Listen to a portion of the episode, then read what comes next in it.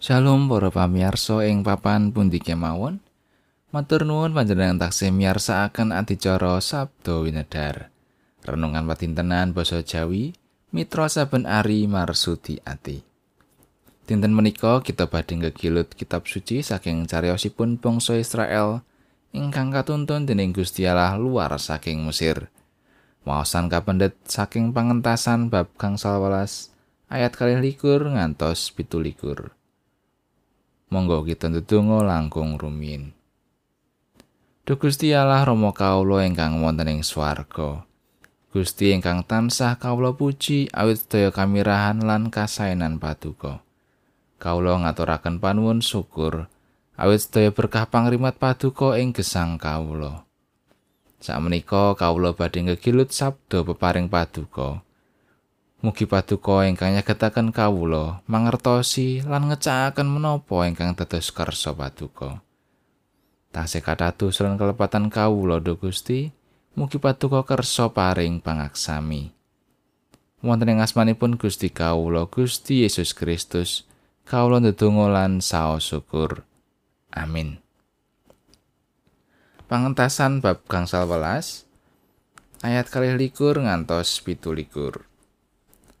Sawuse mangkono Nabi Musa tumuli ngangkatake wong Israel saka ing segara Tebrau menyang ing pasamunan Syur.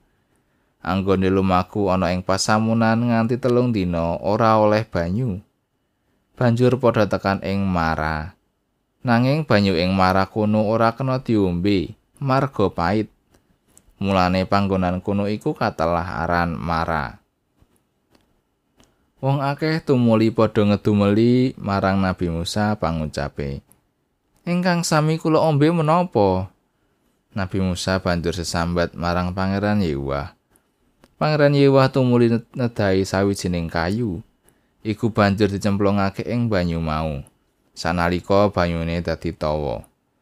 Ana ing kono banjur padha diparingi katetepan lan pranatan sarta padha dicoba dening Pangeran Yewah pangandikane. Menawa sira padha ngrungokake marang dawuhing Pangeran Yewah Gusti Allahira kanthi temen-temen lan nglakoni apa kang bener ana ing paningale sarta nilingake kupingira marang dawuhe. Apa dene tansah nindakake sake ketepane mesti sira ora bakal sun ganjar sadengah leloro kang wis sun tandukake marang wong Mesir. Awit dene ingsun iki Yewah kang nyarasake sira Sawise mangkono banjur padha tekan ing Elim. Ing kono ana sendange rolas lan wit kurma pitung puluh. Banjur padha leren ing sandinge sendang-sendang mau. Makatan pangandikanipun Gusti ayat nat saking ayat 3 likur. Banjur padha tekan ing Mara. Nanging banyu ing Mara kuno ora kena diombe, marga pait. Mulane panggonan kuno iku katelah aran Mara. Paribasan nila setitik rusak susu sebelanga. Tegesipun karana kelepatan sekedhik ngrisak sedaya kasainan ingkang kawangun. Asring gesang kita nggih mekaten. Nalika wonten tiyang ingkang nindakaken kelepatan dhateng kita sekedhik kemawon, sampun dadosaken kesambetan risak. Kamangka sampun mataun-taun kita nampi kasainanipun. Lelampanipun bangsa Israel namung ngadepi perkawis ingkang boten ngremenaken sekedhik mawon. Ugi ndadosaken grundel dumateng Gusti Allah. Kados-kados Gusti Allah dereng nate meringaken kasainan. Prastawa menika kelampahan nalika bangsa Israel dumugi ing Mara, manggihaken toya ingkang boten saged kaunjuk karena pait. Ngadepi prastawa kados mekaten dadosaken bangsa Israel sami ngedumel marang Musa. Kamangka Gusti Allah tansah ngetingalaken pakaryanipun ingkang edapi-dapi. Kenging menapa mboten dadosaken bangsa menika sareh sawetawis. Syukur-syukur tukul ing pangenangan menawi Gusti saged ngowahi toya pait menika dados tawa. Ananging malah ngegungaken ngedumelipun lan nyupekaken pakaryaning Gusti ingkang kebak ing pangwaos. Nabi Musa ingkang dipun sambati dening bangsa Israel menika tundhanipun ugi ngaturaken lelampahan menika dumateng Gusti Allah. Teman Gusti Allah nedahaken satunggaling kajeng ingkang kedah kacemplungaken ing toya menika lan senalika toya menika dados tawa.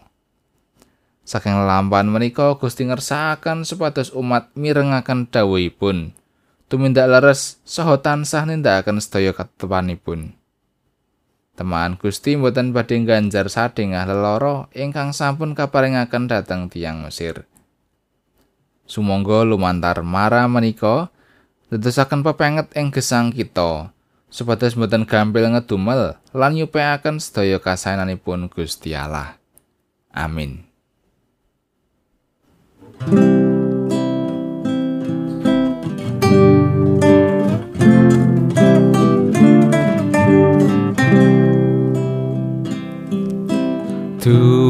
Tuhan badhe kula puji.